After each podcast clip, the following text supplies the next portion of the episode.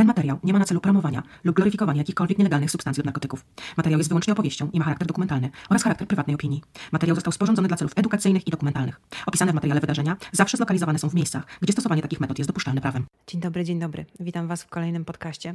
Słuchajcie, ja robię ten podcast e, dzisiaj w sumie, dlatego że postanowiłam nakręcić podcasty na takie najczęściej zadawane pytania, bo to jest jedno z częściej zadawanych e, pytań, które od Was jakby dostaję pod kątem akurat w tej kwestii to jest leczenie depresji i tego, co ja sądzę na temat pełnych dawek terapeutycznych, tudzież mikrodawkowania. I e, jakby to jest jakby chyba najbardziej i najczęściej e, powtarzający się temat, jak również słuchajcie, to, że bardzo duża część z Was mówi, że jakby jesteście w takiej desperacji, że chcielibyście spróbować, ale jakby macie obawy co do tego, co się wydarzy. Więc ja się dzisiaj do tego tematu postanowiłam odnieść jakby z mojej prywatnej perspektywy, ale też słuchajcie, ja nie jestem lekarzem. Ja e, też podjęłam e, swoją terapię, e, będąc w pewnej desperacji i podjęłam tą terapię jakby z perspektywy właśnie poczucia takiej totalnej desperacji i totalnego braku innego rozwiązania. Ja ostatnio y, słyszałam o kilku takich przypadkach, gdzie ludzie jakby decydowali się na terapię y, psychodeliczną, y, dlatego że po prostu byli w takim, takiej przestrzeni, że mieli poczucie, że albo popełnią samobójstwo, albo coś zrobią. I jakby ich odpowiedzią na to było zrobienie czegoś w postaci zażycia psylocybiny, tudzież innej substancji tego rodzaju. W moim przypadku to, co mnie pchnęło do tego, żeby pracować z psychodelikami, to też, też po części było, mm, była desperacja. I jakby ja też chcę Wam powiedzieć, że jakby ja wychodziłam mniej więcej z tego punktu. To było moje e, takie poczucie, że ja jakby nie mam nic do stracenia, ale z drugiej strony ja mam też świadomość e, tego, że każdy jest inny i każdy podejmuje swoje wybory na zupełnie innych zasadach. I wy macie jakieś swoje jakby przestrzenie, i ja mam swoje przestrzenie. I ja jakby od samego początku mówiłam, że ja nigdy nikogo do niczego nie namawiam. To, co robię tutaj na tym kanale, to tylko i wyłącznie dokumentowanie mojej własnej ścieżki, pokazywanie Wam tej ścieżki, jaką ja przeszłam.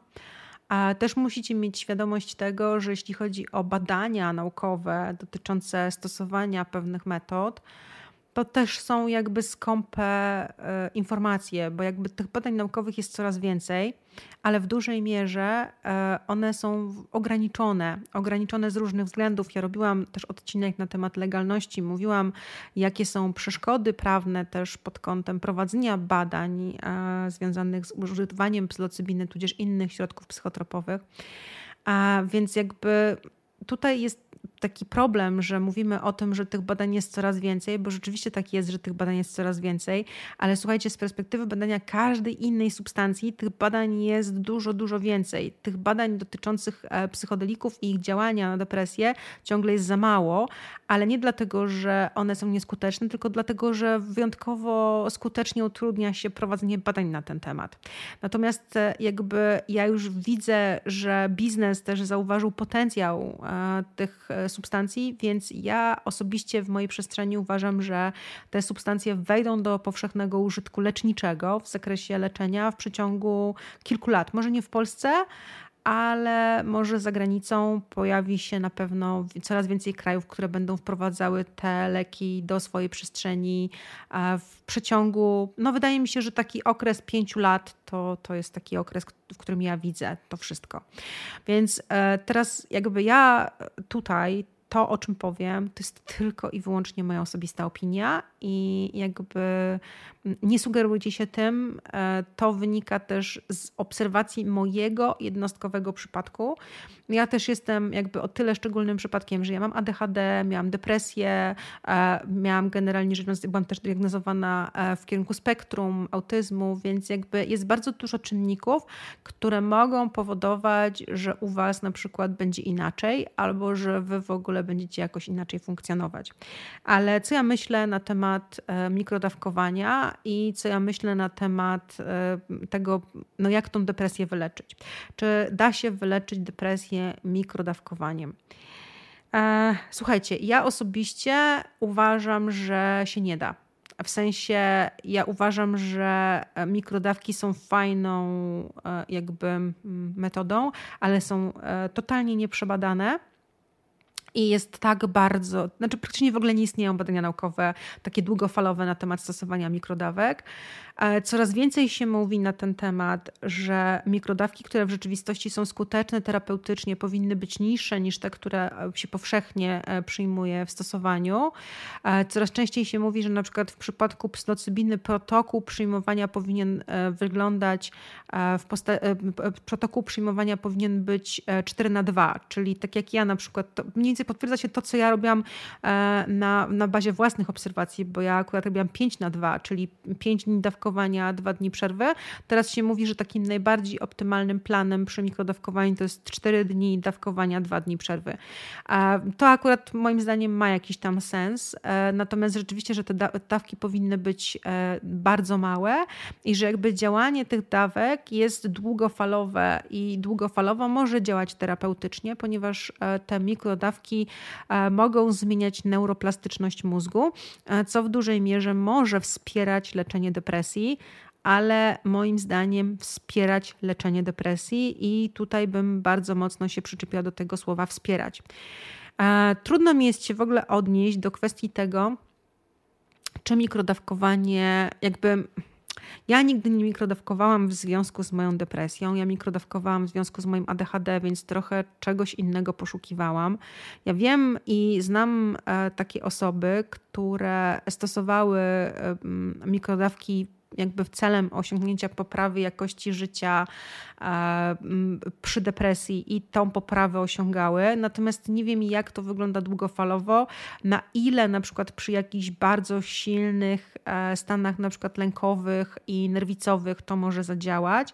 Dlatego, że wszyscy wiemy, że na przykład e, psylocybina bardzo mocno podbija ten stan rzeczy, który jest w danym momencie, więc może też intensyfikować te lęki i może może u pewnych osób działać negatywnie.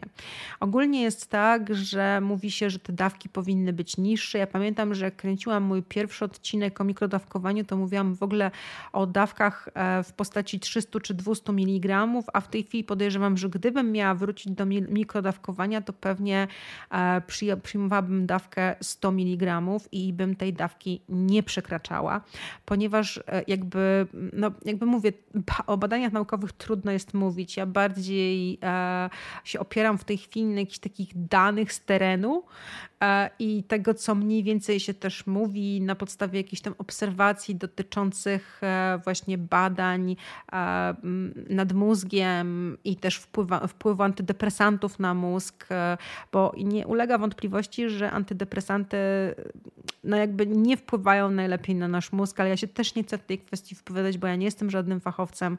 Czytałem jakieś tam badania naukowe, ale coraz więcej się mówi o tym, że taka typowa e, pigułka ona w tym naszym nowym jakby pokoleniu już przestanie funkcjonować, bo coraz częściej ludzie są po prostu lekooporni, a jeszcze coraz więcej mówi się na ten temat, że ten wirus, który panuje na świecie, e, on też może mieć wpływ na, e, na neurologię i bardzo duża ilość osób ma e, powikłania neurologiczne po COVID-zie. Mm, I też bardzo duża os część osób jakby raportuje zaburzenia nastroju po, e, po tym wirusie, więc e, i, i właśnie te e, bardzo często depresje, które wynikają z tych zaburzeń neurologicznych, one często są lekooporne, ale to też są tylko jakieś moje tam takie dywagacje na podstawie takich informacji. Ja słuchajcie, mam też jakby ten problem, że ja mam taką pamięć syntetyczną, to znaczy ja mam śmietnik w mojej głowie, w sensie ja bardzo często coś czytam i nawet nie wiem, gdzie czytam, ale ja zapamiętuję informacje i one mi się później po prostu w pewnym momencie pojawiają. No dobrze, więc jakby jeżeli chodzi o mikrodawkowanie, ja mówię, że mikrodawkowanie w mojej ocenie, w mojej personalnej opinii, e, jakby nie jest czymś, co jest w stanie nas wyleczyć depresji. Mikrodawkowanie może polepszyć nasz stan depresji, ale moim zdaniem takich właściwości, żeby nas z tej depresji wyciągnąć długotrwale, nie ma. Ja przynajmniej tak uważam. E, ja ostatnio też obejrzałam e, bardzo wzruszający film e, na Netflixie Magic Medicine. To jest film, który pokazuje, jak grupa ochotników jest poddana e, terapii psylocybiną. Oni, oni mają dwie sesje terapeutyczne, które jakby są w jakimś tam, w jakimś tam przerwie, o jakimś tam okresie, nie wiem, czy co tydzień, czy, czy coś tam. Jedna jest e, na mniejszej dawce, druga jest na dużo większej dawce. No i one pokazują, że te e, sesje mają wpływ na tych ludzi. Są to bardzo często ludzie, którzy są na jakimś milionie leków, którzy przyjmują jakieś miliony antydepresantów i jakieś miliony e, mają bardzo poważne problemy. I ci ludzie, generalnie rzecz biorąc, rzeczywiście odnotowują poprawę swojego funkcjonowania ale nie wyleczenie. Tak naprawdę chyba 100% e, tych ludzi, którzy jakby brali udział w tym, w tym eksperymencie, wracają praktycznie do leków, ale chyba dwójka z nich tak, notuje taką trwałą poprawę tego swojego samopoczucia, natomiast jeden z tych ludzi na samym początku ma przepiękną remisję choroby, natomiast później praktycznie w 100% wraca do tego. I jakby to są też dowody na to, że po pierwsze to nie jest e, żaden, e, żaden magic pill. Psylocybina to nie jest coś, co po prostu zażywasz, jedna sesja, jedziesz, tak? I po prostu jesteś pozbawiony depresji i e, jakby i tyle. Sami znacie moją historię. I wiecie o tym, że ja e, w akcie desperacji i też chęci wyzdrowienia pracowałam z psylocybiną bardzo dużo. Ja też popełniłam na tej drodze bardzo wiele błędów. Ja też generalnie rzecz biorąc, jakby byłam w pewnych momentach pogubiona. Wiecie, to jest też tak, że w momencie, kiedy zdarzają ci się jakieś doświadczenia psychodeliczne i jesteś z tym wszystkim sam, to jest trudno. A to jest trudno, ciężko jest uzyskać wsparcie, a jeszcze dodatkowo jest masę doradców, którzy chcą ci powiedzieć, co na pewno ci się przytrafiło wtedy. Ja po prostu miałam niejednokrotnie taką sytuację, że jeszcze kiedy na etapie, kiedy w ogóle jakby bawiły mnie trip reporty i kiedy mi się to podobało, że bardzo często na przykład ludzie mówili mi, co mi się w rzeczywistości wydarzyło i tłumaczyli mi to, jak to na pewno jest i o co w tym wszystkim chodzi. No ale to nie jest tak, bo wiecie, praca e, z psychodelikami polega na tym, że po pierwsze mamy to całe doświadczenie, tak? To doświadczenie może być piękne, może być naprawdę budujące, może być niesamowite, może być mistyczne, e, ale z drugiej strony może być też dla nas bardzo trudne. I później jakby cała praca związana też z tym leczeniem odbywa się tutaj po.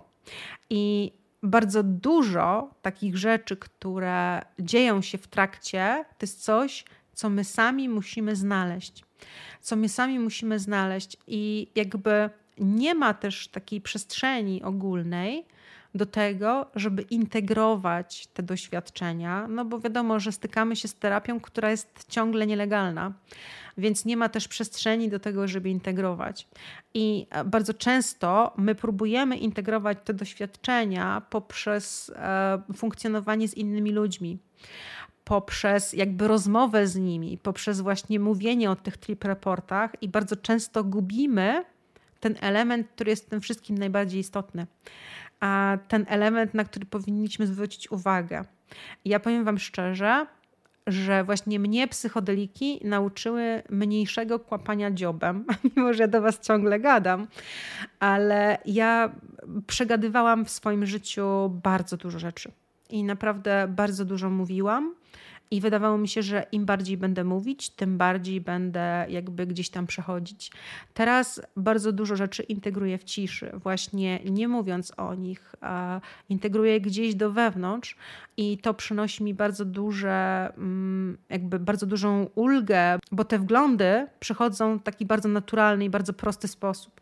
Bardzo często te doświadczenia mm, jakby są już na tyle dla mnie klarowne i jasne, że jakby jest mi bardzo łatwo. Ale to też jest kwestia tego, że po pierwsze, ja już powiedziałam e, to niejednokrotnie. To wynika z tego, że ja nie jestem do końca e, normalna, bo trzeba być zdrowo klepniętym, żeby być w takiej desperacji i robić takie rzeczy. Ja zrobiłam bardzo, bardzo dużo e, takich rzeczy, których nie polecam. I, i tak jak mówię, nie róbcie tego w domu. Ja też oberwałam za to bardzo mocno po uszach. Ja gdzieś się bardzo mocno nauczyłam na własnych jakby porażkach Ja mam bardzo silną, słuchajcie, e, konstrukcję wewnętrzną. Ja doświadczyłam bardzo, bardzo wielu złych rzeczy w swoim życiu i naprawdę ja mam bardzo, bardzo silną e, konstrukcję psychiczną i mnie jest naprawdę cholernie ciężko złamać. Więc to też pewnie mnie uratowało w tej całej mojej e, indywidualnej pracy. No ale dobra, ja się trochę rozgładałam, ale co ja uważam na ten temat?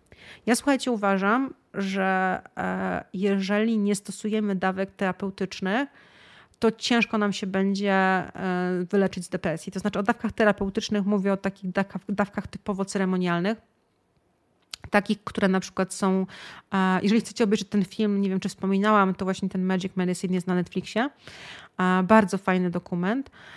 I niestety te rzeczywiście takie lecznicze momenty przychodzą w momencie, kiedy dostajemy tą pełną dawkę.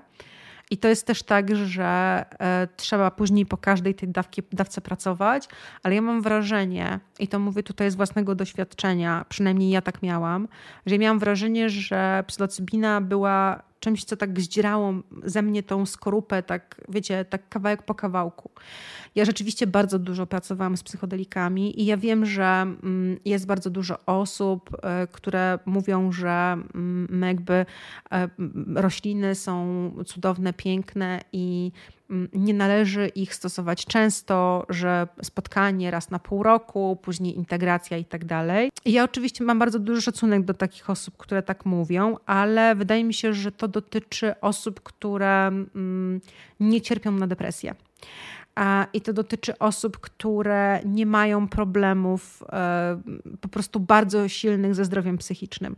Dlatego, że w momencie, kiedy mamy jakieś jakby nie wiem, też może u niektórych osób to tak działa, że to działa szybciej, ale z mojego doświadczenia jest tak, że jeżeli rzeczywiście mamy bardzo mocno zakorzenione problemy, jeżeli siedzimy gdzieś w jakiejś takiej przestrzeni, tak jak na przykład w moim przypadku było, gdzie od lat jest źle, gdzie po prostu my nie znamy w sumie innego życia, to wydaje mi się, że to leczenie psychodeliczne się nie dzieje overnight.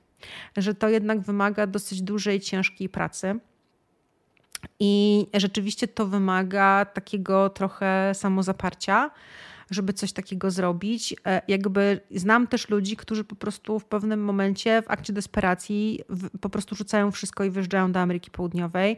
Ja się wcale tym ludziom nie dziwię, bo ja też e, w pewnym momencie to zrobiłam i też w pewnym momencie wyjechałam do Ameryki Południowej, bo jakby moje życie było nieznośne.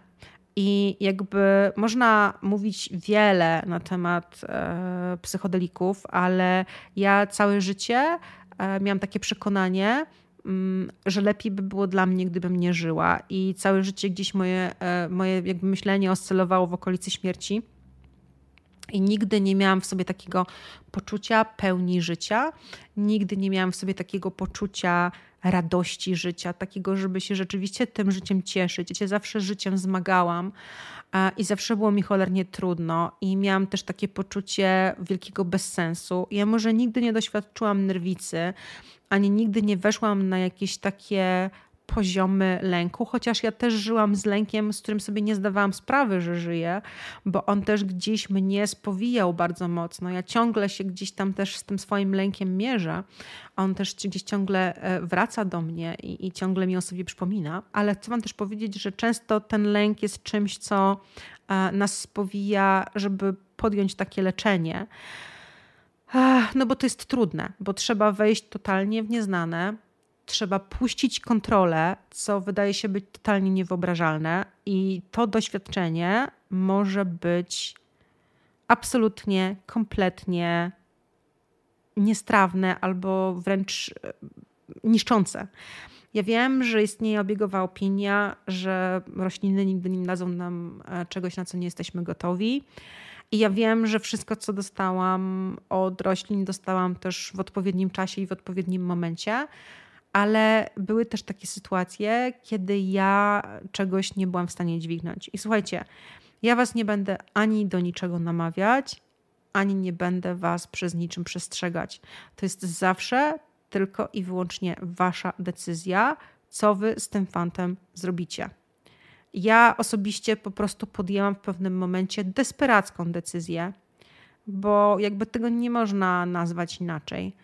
Bo ja wiem, że e, wiele osób, na przykład dostawałam nawet takie maile, że wiecie, że jestem ćpunką i tak dalej, ale mam to w dupie, naprawdę, bo mm, ja jakby, no miałam do wyboru, jakby albo, nie wiem, skończę ze sobą, albo po prostu, nie wiem, no jakby nie widziałam dla siebie zupełnie innego rozwiązania.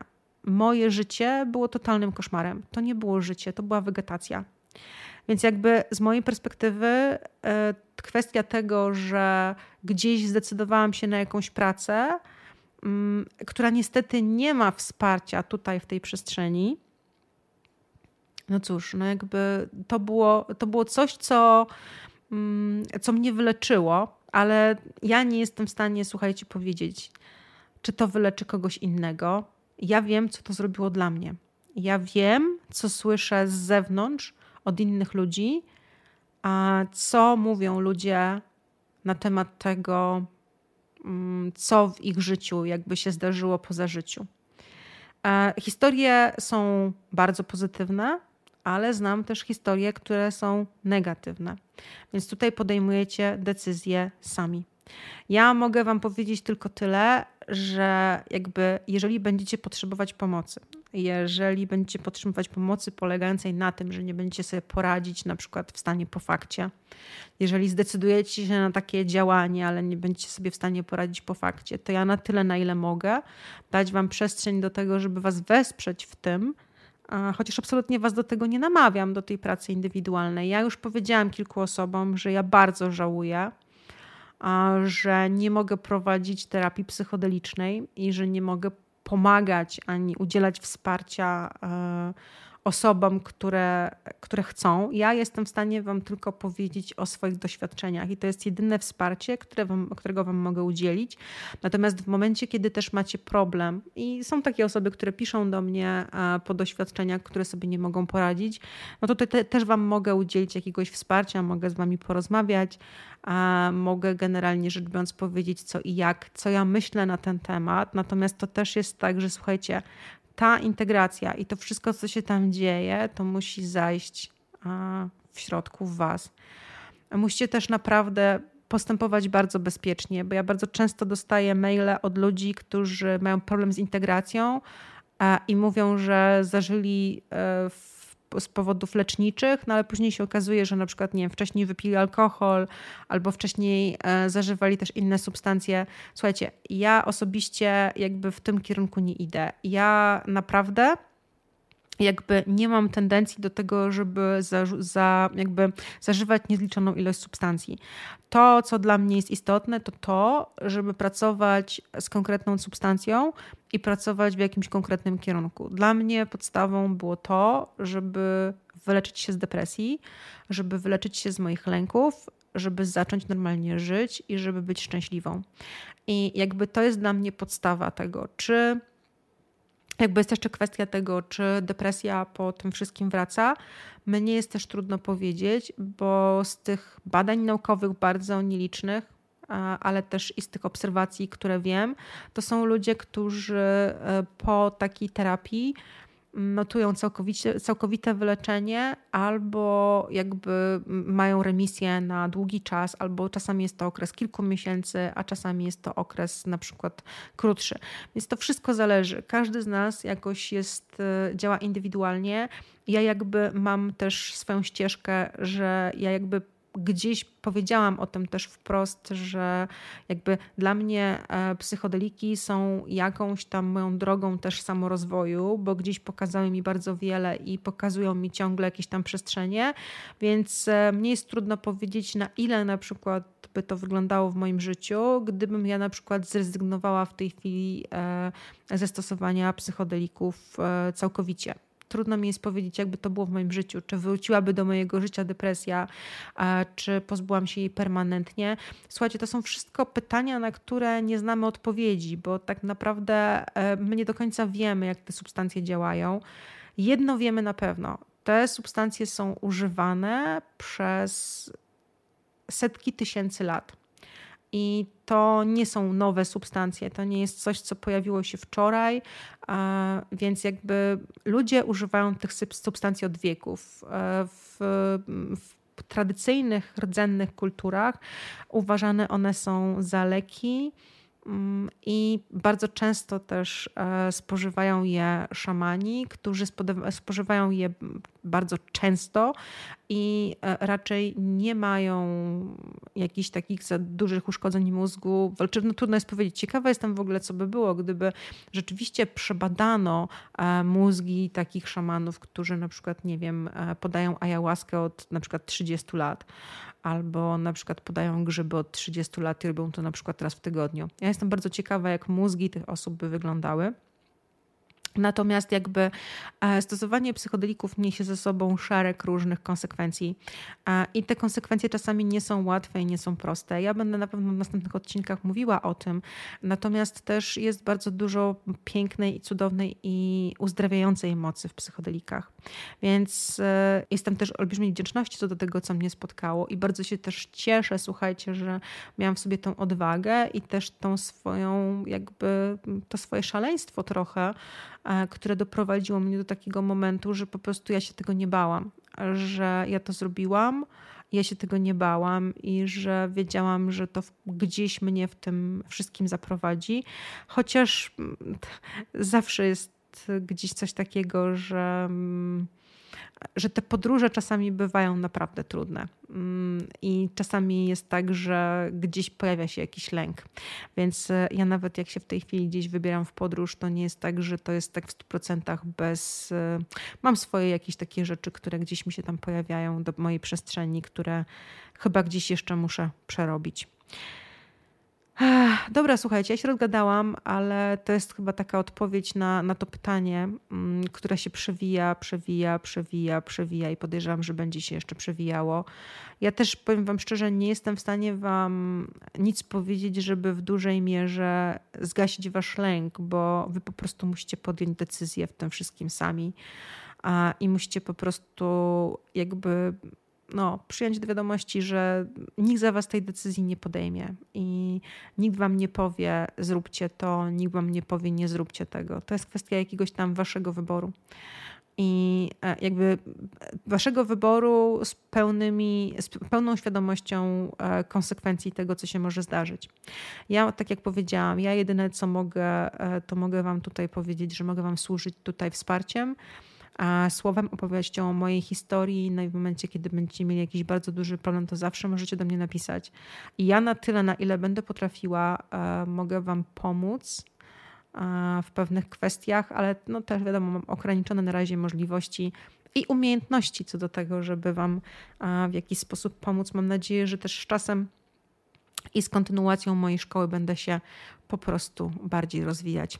Dobra, słuchajcie, mam nadzieję, że podoba Wam się odcinek. Mam nadzieję, że podoba Wam się, jak to wszystko wygląda po nowym roku e, na kanale. Chcę tylko powiedzieć, że wszystkie podcasty e, pojawiają się na Spotify e, z jednodobowym opóźnieniem, więc to tyle. No i słuchajcie, oczywiście zostawcie komentarz, lajka, subskrypcję, jeśli Wam się podobało, a tymczasem żegnamy się i do zobaczenia w kolejnym odcinku. Buziaki i papa.